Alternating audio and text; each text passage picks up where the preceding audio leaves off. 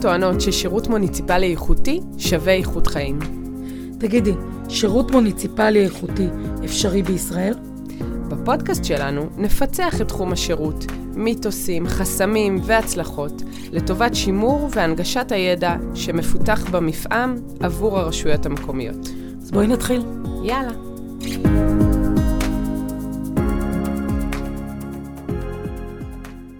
בוקר טוב, דבורית נבו. בוקר אור, דקלה רוזנשטיין שלומי. וואי, אנחנו מקליטות בבוקר כזה של אוגוסט.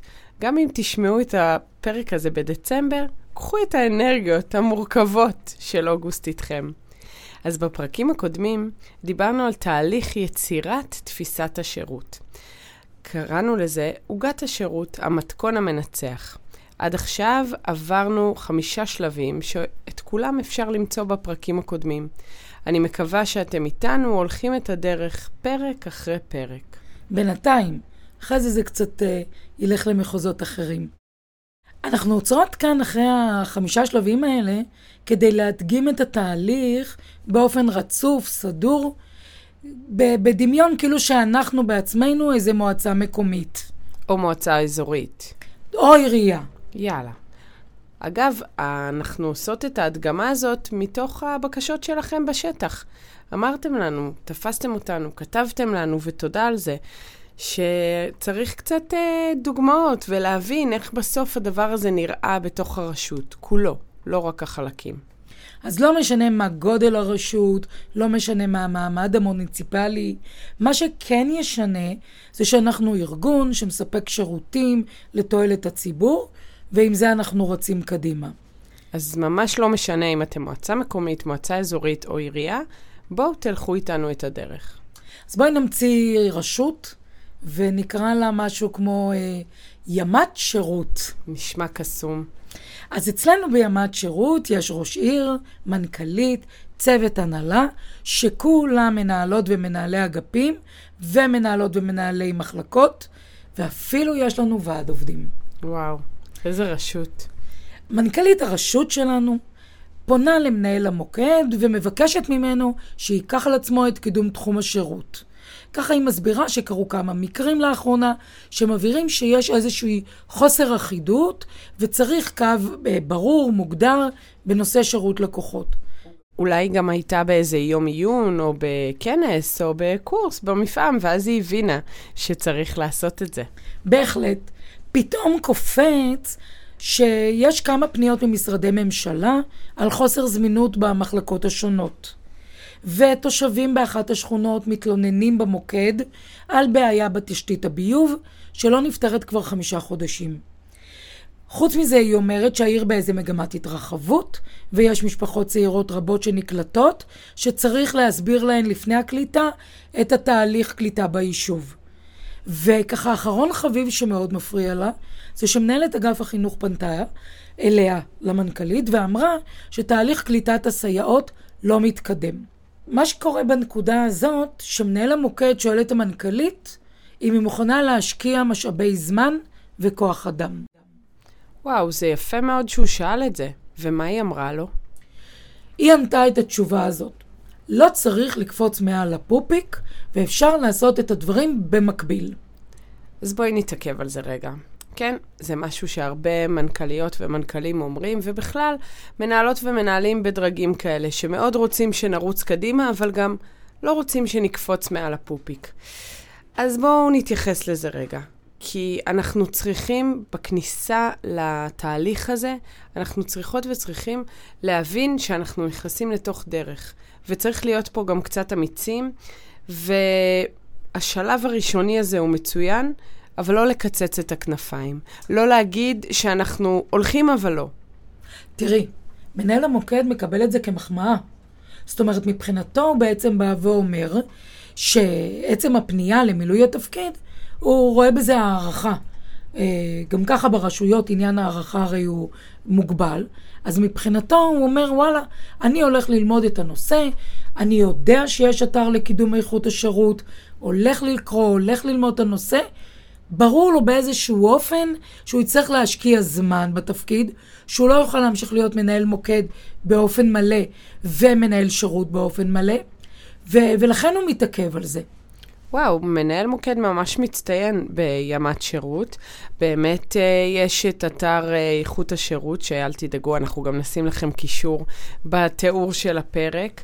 ומצוין. אז uh, המנכ"לית, מה היא אומרת לו?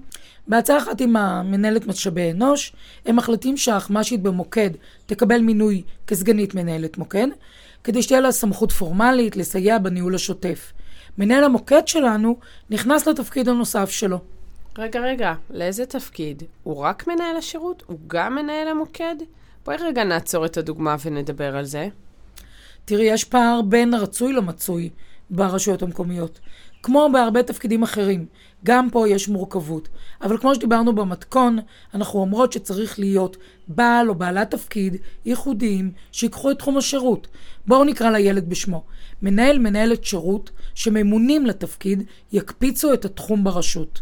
קשה לגייס, לא ברור לאן הולכים, עוד יש דילמות, זה בסדר. אפשר להתחיל מה שנקרא בנעט, בנוסף על תפקידו, באופן זמני. לגמרי. וגם אם אתם רשות קטנה או מאותגרת, תחשבו אבל על הדרך, כמו במתכון. בואי נחזור לדוגמה שלנו.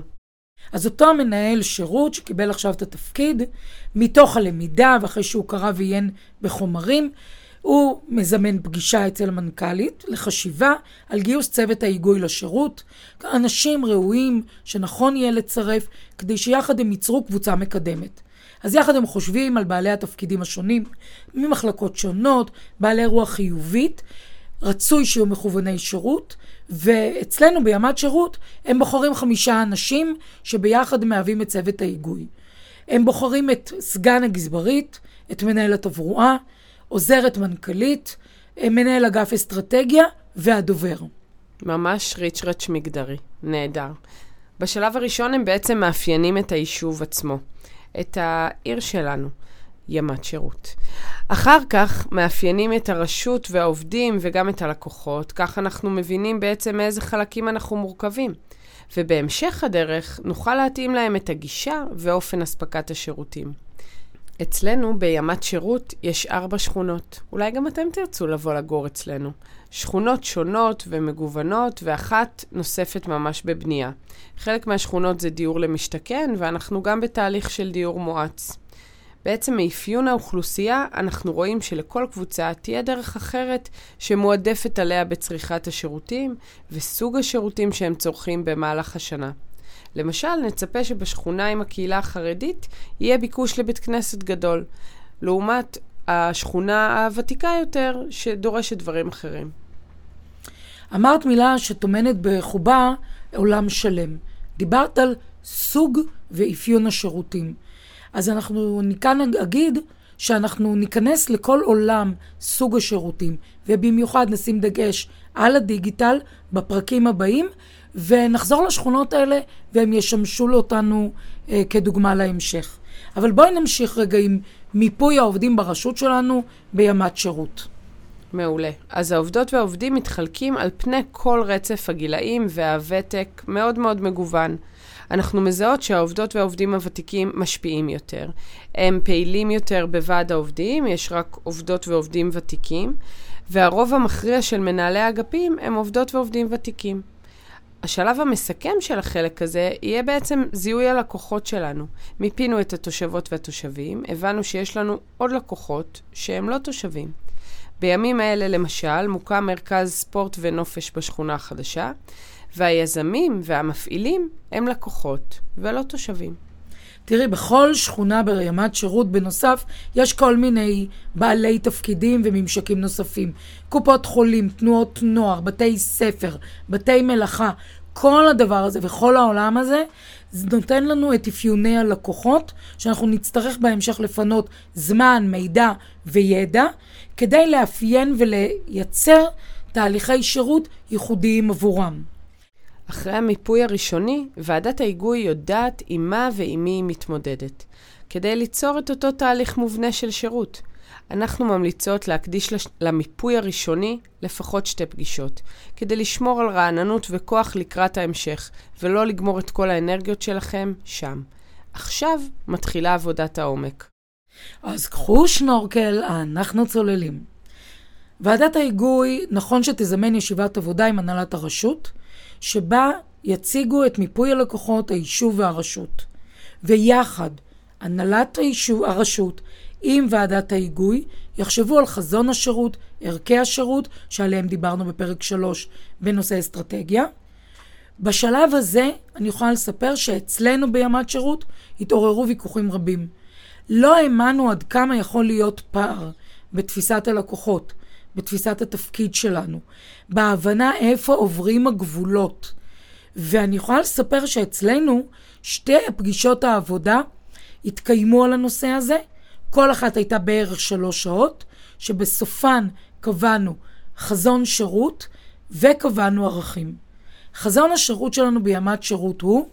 תופים, משהו, התרגשות. בימת שירות יינתן מענה מקצועי ואישי, מתעדכן ומותאם לכל לקוחותינו ושותפינו במרחב הציבורי, במגוון ערוצים ולשביעות רצונם. משפט מדהים. אני חושבת שזה המקום להגיד שגם אתם יכולים להגיע למשפט כזה אחרי דיונים, יכול להיות גם ויכוחים, שיתאים בדיוק למה שאתם מאמינים על הלקוחות שלכם. אז מה עם ערכי השירות שקבענו בימת שירות? מקצועיות, שקיפות ונגישות, אחריות אישית וארגונית, הוגנות. אלה בעצם הערכים והמשפט החזוני, יש להם נטייה לעורר בנו קצת ציניות. אל תהיו שם. אחרי שקבענו את האסטרטגיה, כל אחד מהמנהלים והמנהלות הציגו אותה בישיבות צוות, ישיבות אגף, והסבירו, התחילו לרתום את העובדים לתפיסת השירות המתעדכנת. אנחנו יודעים שיש עובדות ועובדים יותר מעורבים, ועובדות ועובדים יותר מנומנמים, ולכן בחשיבה מראש החלטנו שאנחנו מגיעים אליהם ולא מצפים שהם יגלו עניין וישאלו, ולפתע פתאום הדברים יפלו עליהם ויגלו על המתרחש. רגע, רגע, מי זה הגענו, ציפינו, אתם לבד? לקחתם ייעוץ מקצועי לנושא השירות? תראי, בימת שירות אנחנו עשינו את זה לבד. יש לנו בתהליך שלנו זיהוי של הכוחות הפנימיים בתוך הרשות. אנחנו יודעים היטב מי האנשים, עם מי ניתן לעבוד, איך ניתן לעבוד. יצרנו שפה ויצרנו דרך שאנחנו מסתדרים מצוין. מעולה. זה נהדר לימת שירות, אבל חשוב להגיד שבהחלט אפשר לקחת ייעוץ חיצוני. חשוב לבדוק שהיועץ או היועצת שבחרתם יעבדו לפי תורת השירות שפותחה במשרד הפנים. אצלנו במפעם, והתבססו על הידע הקיים ומצאו אצלכם, שלא ימציאו את הגלגל, וחבל. בשלב הבא ניתחנו ומיפינו את סל השירותים. כמה טוב שהייתה הטבלה הראשונית להתייחסות, זאת שצירפנו לפרק 4. באמת, מזה התחלנו, זה היה ממש בסיס מעולה. המנכ"לית קבעה מראש דדליין, מועד סופי שבו מסתיים מיפוי סל השירותים.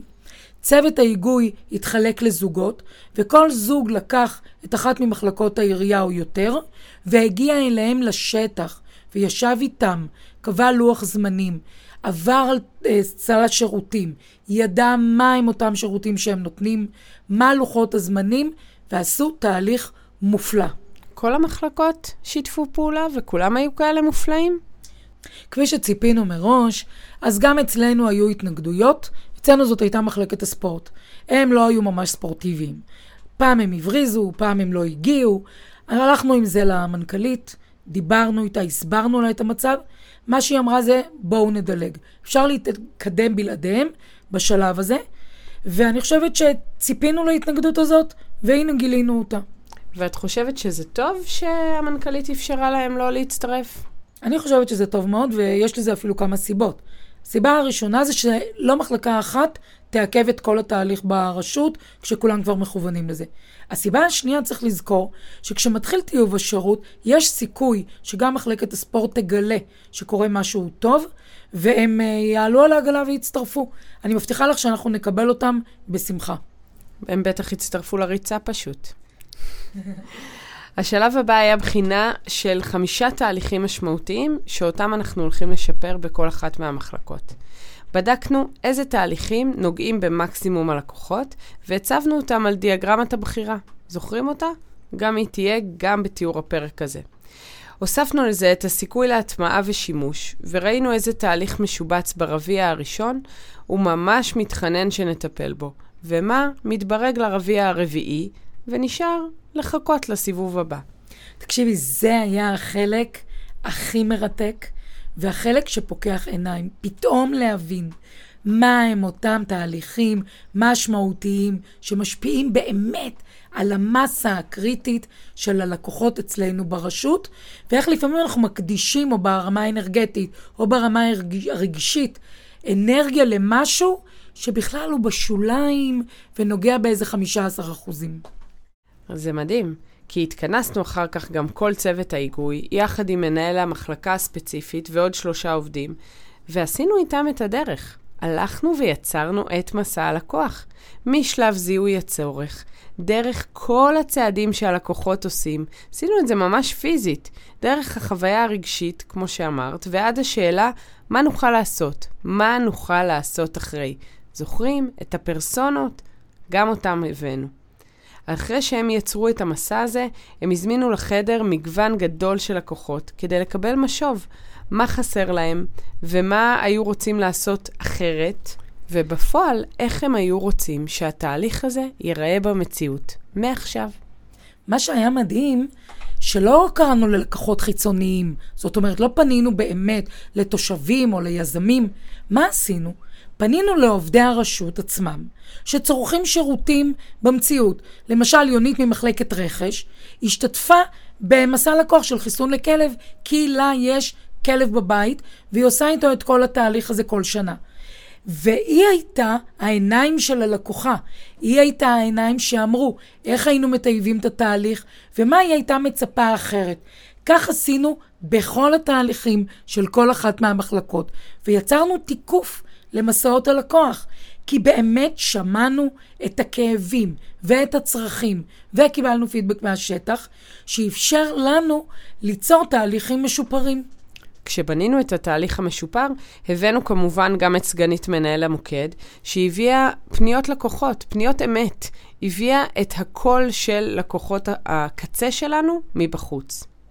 ומה שבנינו איתה זה תהליך טיפול כולל, שכלל גם את הפנייה למחלקה, ששם יש את הפתרון המקצועי, וכלל גם את הפתרון האישי, כולל סקר לקוחות, שאת זה עושה המוקד.